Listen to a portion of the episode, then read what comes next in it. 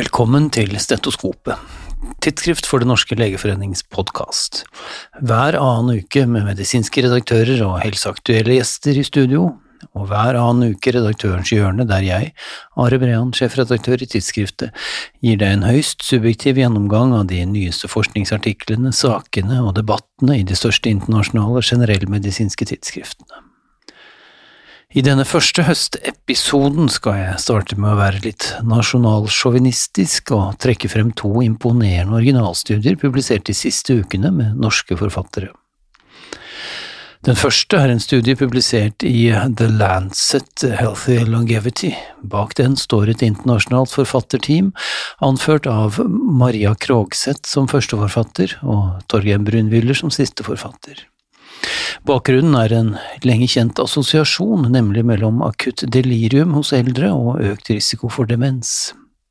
Den biologiske mekanismen og eventuelle kausale faktorer er imidlertid ukjent. I denne studien har forfatterne fulgt 210 hjemmeboende eldre i to år, med kognitiv vurdering hvert halvår og med deliriumdiagnostikk ved klinisk endring. Nevronskademarkøren nevrofilament light, eller NFL, er målt i blod både som rutine og ved akutte forverringer. Hver episode med delir hos disse deltakerne var assosiert med påfølgende kognitiv svikt, og assosiert med økt nevronskade målt ved NFL, Dermed har forfatterne klart å sannsynliggjøre at delirium forårsaker den akselererte kognitive svikten, og at forebygging av delir muligens kan minske belastningen av demens i befolkningen. Studien er også ledsaget av en invitert kommentar i The Lancet Health Longevity. Den andre norske studien springer ut fra det bergenske nevrokirurgmiljøet og er publisert i Yama nå i august. Her dreier det seg om mindre og middelstore vestibulære svanomer. Bør disse behandles stereotaktisk ved diagnosetidspunktet, eller er det bedre med en vente og se om de vokser-tilnærming? Det har til nå vært usikkert. I denne studien ble 100 pasienter med nydiagnostisert svanom inkludert, og randomisert til enten umiddelbar behandling eller vente og se, med fem årlige kontroller. Observasjonstiden var totalt fire år. Primært utfallsmål var tumorstørrelse ved studieslutt. I løpet av studien hadde nærmere halvparten av vente-og-se-gruppen fått tumorvekst og påfølgende behandling, og ved studieslutt hadde gruppen som hadde fått umiddelbar behandling, totalt sett signifikant mindre tumorvolum enn vente-og-se-gruppen. Det var dog ingen forskjell, er det verdt å merke seg, mellom gruppene når det gjaldt de totalt 26 sekundære utfallsmålene.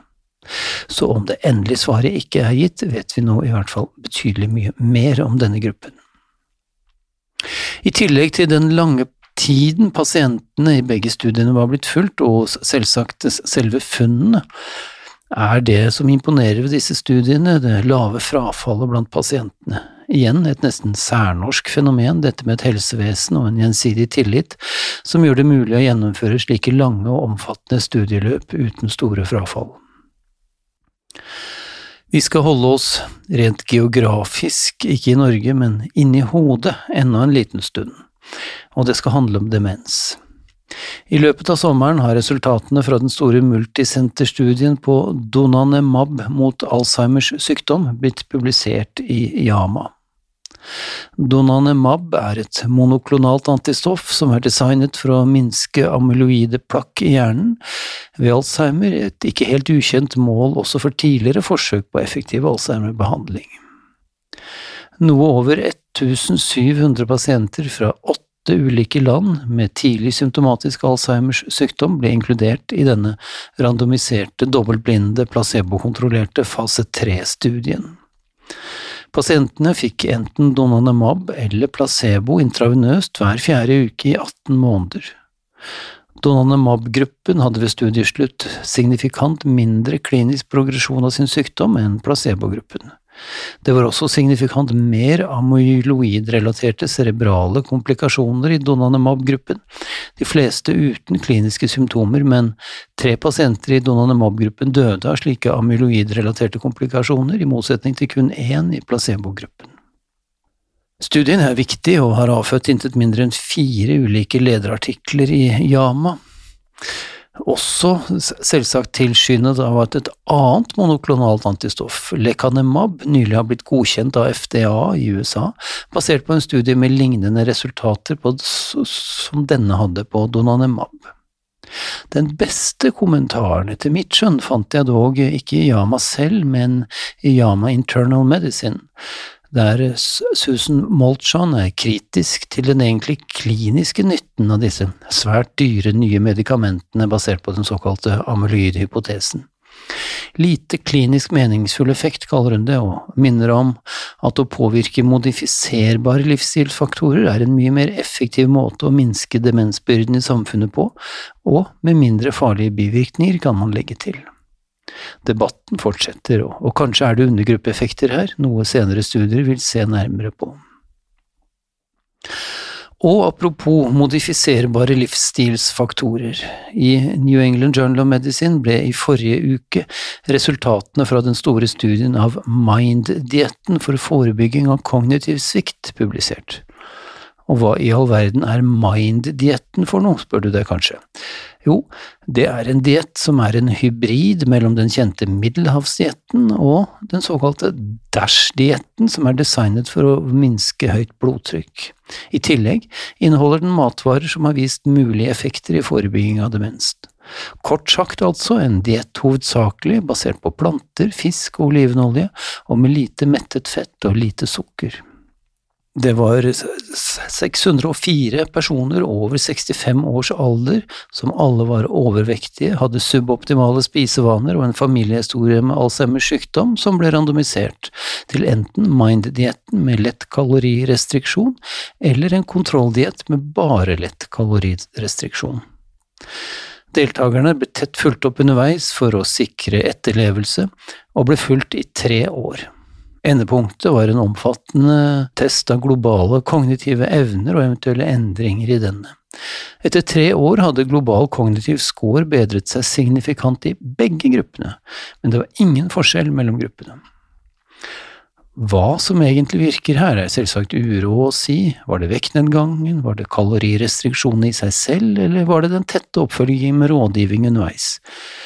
Det som uansett kan konkluderes, er at Mind-dietten ikke ser ut til å beskytte bedre mot demens enn generell lett kalorirestriksjon, i alle fall ikke i denne kohorten. Vi må ha plass til én negativ studie til i dag, og denne gjelder alvorlig depresjon for transkraniell stimulering har vært foreslått som en effektiv behandling for alvorlige depresjonsepisoder, men tidligere metaanalyser av de tilgjengelige data har vist sprikende resultater, og det er nesten ingen større multisenterstudier. Denne studien, som ble publisert eh, i The Lancet eh, noe tidligere i sommer, er en trippelblindet, randomisert og sham-kontrollert studie som inkluderer 160 pasienter med alvorlig depresjon fra åtte ulike sykehus i Tyskland. Alle pasientene brukte SSRI-er og, og, mottok transkraniell stimulering eller sham-stimulering etter standardprotokoll i seks uker. Og konklusjonen har jeg allerede røpet. Det var ingen forskjell mellom gruppene i depresjon målt ved standard eh, Malers-test. Transkraniell stimulering som add-on til SSRI ved alvorlig depresjon ser altså ikke ut til å ha noe for seg. Så skal vi gjøre til et tematisk langt hopp. Vi skal til en enorm metaanalyse og systematisk oversikt publisert i British Medical Journal Global Health. Analysen har tatt for seg forekomsten av covid-19s seropositivitet i ulike aldersgrupper i utviklingsland sammenlignet med høyinntektsland. De har også beregnet infeksjonsdødsraten, infection fatality rate, altså hvor mange som blir smittet av sykdommen som dør av den. Beregningene viser at det var dobbelt så mange av de smittede i hver aldersgruppe som døde av covid-19 i utviklingslandene sammenlignet med høyinntektslandene under pandemien.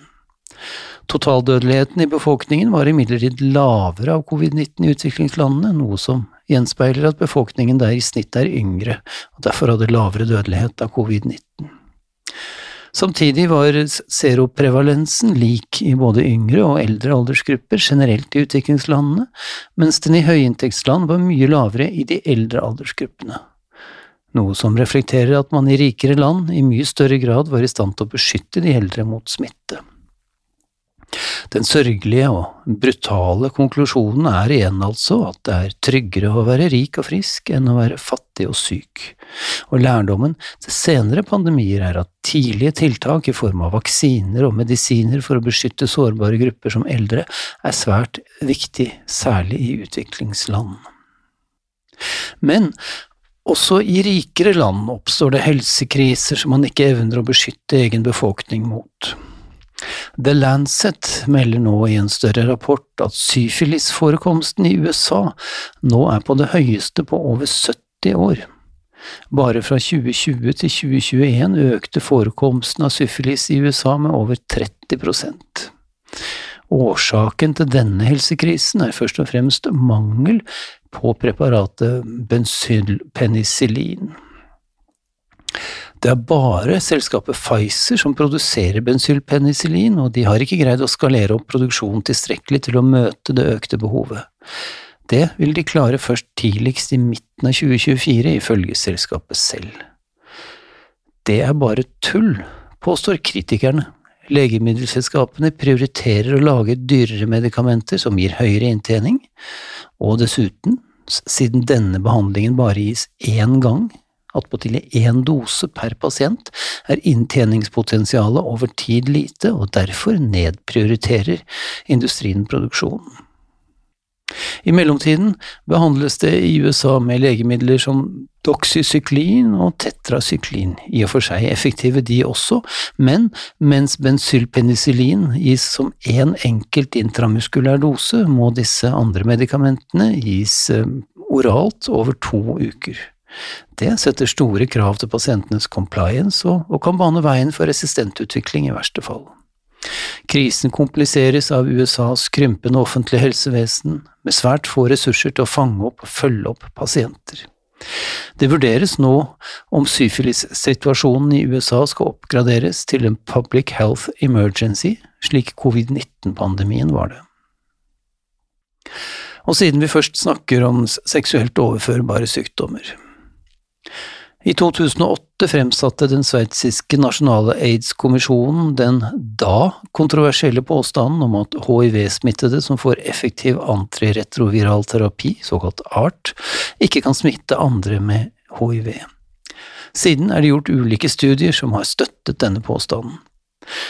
Men nå foreligger den hittil største systematiske oversiktsartikkelen som gjennomgår alle de tidligere studiene, og den er publisert i The Lancet nå i august. Til sammen over 7500 par fra 25 land med ulik hiv-status, altså der den ene partneren er negativ og den andre er positiv, ble inkludert i analysen.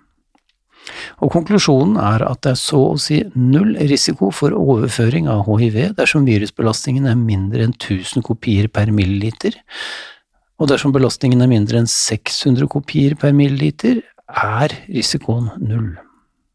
I og for seg svært gode nyheter, men studiene har sine klare begrensninger, selvsagt, blant annet at det er seksuell overføring som er studert. For eh, smitte mellom rusmisbrukere som injiserer, vet vi fortsatt lite om smitterisikoen ved effektiv ART, også fordi rusmisbrukere oftere ekskluderes fra kliniske studier. Men uansett er dette gode nyheter for folkehelsearbeidet og for muligheten til å gjøre hiv til enda mindre av et helseproblem i befolkningen.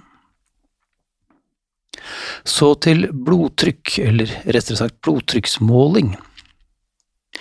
Vi lærte alle i studiet at å ha riktig størrelse på blodtrykksmansjetten er viktig for å få korrekt resultat. Men opp med hånden den som aldri har syndet mot den regelen, når man i en håndvending ikke kan finne riktig størrelse og pasientene venter. En randomisert crossover-studie nettopp publisert i Yama Internal Medicine har nå undersøkt om det egentlig er så farlig om man ikke har riktig mansjettstørrelse. Og ja, det er faktisk viktig. 195 voksne med ulike armstørrelser ble inkludert. Alle gjennomgikk blodtrykksmåling ved fire anledninger.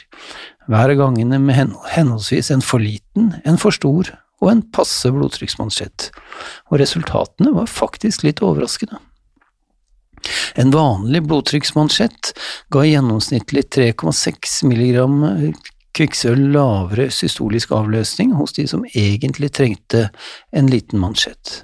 Vanlig mansjett hos personer som trengte en stor eller en ekstra stor størrelse, ga høyere systoliske målinger på henholdsvis 4,8 og 19,5 mm kvikksølv. Med andre ord, pasienter med større armer kan bli overdiagnosert og overbehandlet, og de med tynne armer kan bli underbehandlet. Altså motsatt av hva i alle fall jeg ville ha gjettet. Med andre ord, finn riktig mansjett før du måler. Så til folkehelse, og en svært interessant studie foretatt i England og publisert i sommer i The Lancet Public Health. I England har det foregått en langsom og gradvis privatisering av en lang rekke tidligere offentlige institusjoner og tjenester. Dette gjelder også helse, og det tidligere så stolte National Health Service, NHS, har særlig de siste ti årene fått en stadig større innslag av konkurranseutsetting. Betyr dette noe for folkehelse og dødelighet, eller spiller det ingen rolle hvem som leverer tjenestene? Intet mindre enn det omfattende og vanskelige spørsmålet er det forfatteren av denne observasjonsstudien har satt seg fore å undersøke. Designet er ganske genialt, men litt komplekst. Mange tusen offentlige kontrakter på drift av helsetjenester fra ulike deler av England i perioden 2013 til 2020 ble studert. Designet gjorde det mulig å skille ut private non-profit-selskaper fra private for-profit-selskaper. Dermed kunne man studere effekten av for-profit-selskaper isolert. Variasjonen i andelen slike selskaper som vant anbud, varierte både med tid og med geografi. Fra 3% av kontrakten i et område til 20% av kontrakten i et annet område. Denne temporale og spatiale variasjonen ble deretter brukt som grunnlag for sammenligning med lokale helsevariable. For å gjøre en lang og kompleks studie kort, så fant forfatterne at i gjennomsnitt samvarierte en økning på ett prosentpoeng i andelen for profit-selskaper i et område og tidsperiode, med en økning på 0,38% årlig i behandlingsbar dødelighet i samme periode og tid. I tillegg gjorde de det noe mindre uventede generelle funnet at andelen for profit-selskaper som vant offentlig helseanbud, økte konsistent gjennom hele den studerte perioden. Det tidligere så stolte NHS kommersialiseres altså sakte, og de negative helseeffektene er målbare. Videre årsaker og konsekvenser analyseres i en utmerket lederartikkel i The Lancet Public Health. Du finner den i litteraturlisten fra dagens episode. Gratis skolemat har lenge vært foreslått som et helsefremmende tiltak i Norge, uten at saken foreløpig har kommet så mye lenger enn til forslagsstadiet. Kanskje er det bare meg, men jeg har liksom oppfattet dette som noe vi eventuelt kan ta oss råd til fordi vi som land betraktet er så unikt rike. Det var derfor til både ettertanke og læring å lese en lengre artikkel i The Lancet, publisert for et par uker siden, om den globale utbredelsen av skolemat. Ifølge denne artikkelen er fenomenet langt fra noe særnorsk luksuspåfunn. Skolemåltidsprogrammer er tvert imot et av verdens mest omfattende sosiale sikkerhetsnett. 83% av alle land i verden tilbyr nå skolemåltider til anslagsvis til sammen 418 18 millioner barn daglig. Men det er også store ulikheter. I gjennomsnitt får 41% av verdens grunnskolebarn mat på skolen, med en dekning på 61% i høyinntektsland, mens bare 18% i lavinntektsland, der slike tilbud jo er aller mest nødvendig. Og det er dokumentert samfunnsøkonomisk lønnsomt. I USA koster de offentlige skolematprogrammene 19 19 milliarder dollar årlig, mens det er beregnet at den årlige helsegevinsten av programmene, sammen med de rene økonomiske besparelsene i form av mindre ernæringsrelaterte sykdommer, fattigdom og matusikkerhet, utgjør en inntjening på det dobbelte av utgiftene, altså om lag 40 milliarder dollar årlig. Der fikk i alle fall jeg den for min uvitenhet. Til sist i dag, mer om rene kommersielle helsetjenester, i dette, i dette tilfellet med helse i store anførselstegn. British Medical Journal skriver denne uken om total kropp, kroppsskanning, total body scan. Det er det amerikanske firmaet Prenuvo som tilbyr dette, og som seg hør og bør promoveres og frontes det som en strålende idé av blant andre kjendiser som Kim Kardashian og Paris Hilton, til sine mange millioner følgere på sosiale medier. Men hva i all verden er total body scan? Det har selv ikke British Medical Journal klart å komme helt til bunns i, men ifølge selskapets nettsider skal det dreie seg om en spesiell MR-protokoll, der man MR-skanner hele kroppen i én en enkelt seanse på under én time. Hele greia kan du altså få kjøpt for knappe 2500 dollar, men altså foreløpig bare i USA. Kim Kardashian skriver på sin Instagram-konto til sine millioner av følgere at denne fantastiske undersøkelsen kan avsløre tilstander som kreft og aneurismer allerede før disse gir symptomer.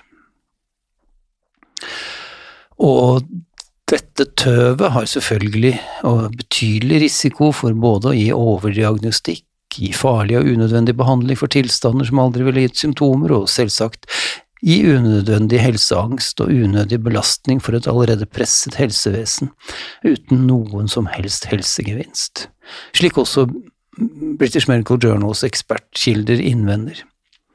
Men hva gjør vel det når kjendisene anbefaler det på Instagram og herligheten bare koster under 30 000 norske kroner? Nå har du i alle fall hørt om det dersom en av dine yngre, friske Kardashian og Paris Hilton-følgere dukker opp på legekontoret ditt og vil ha en total body scan, men ikke si at du hørte om det fra meg. Vi høres neste gang.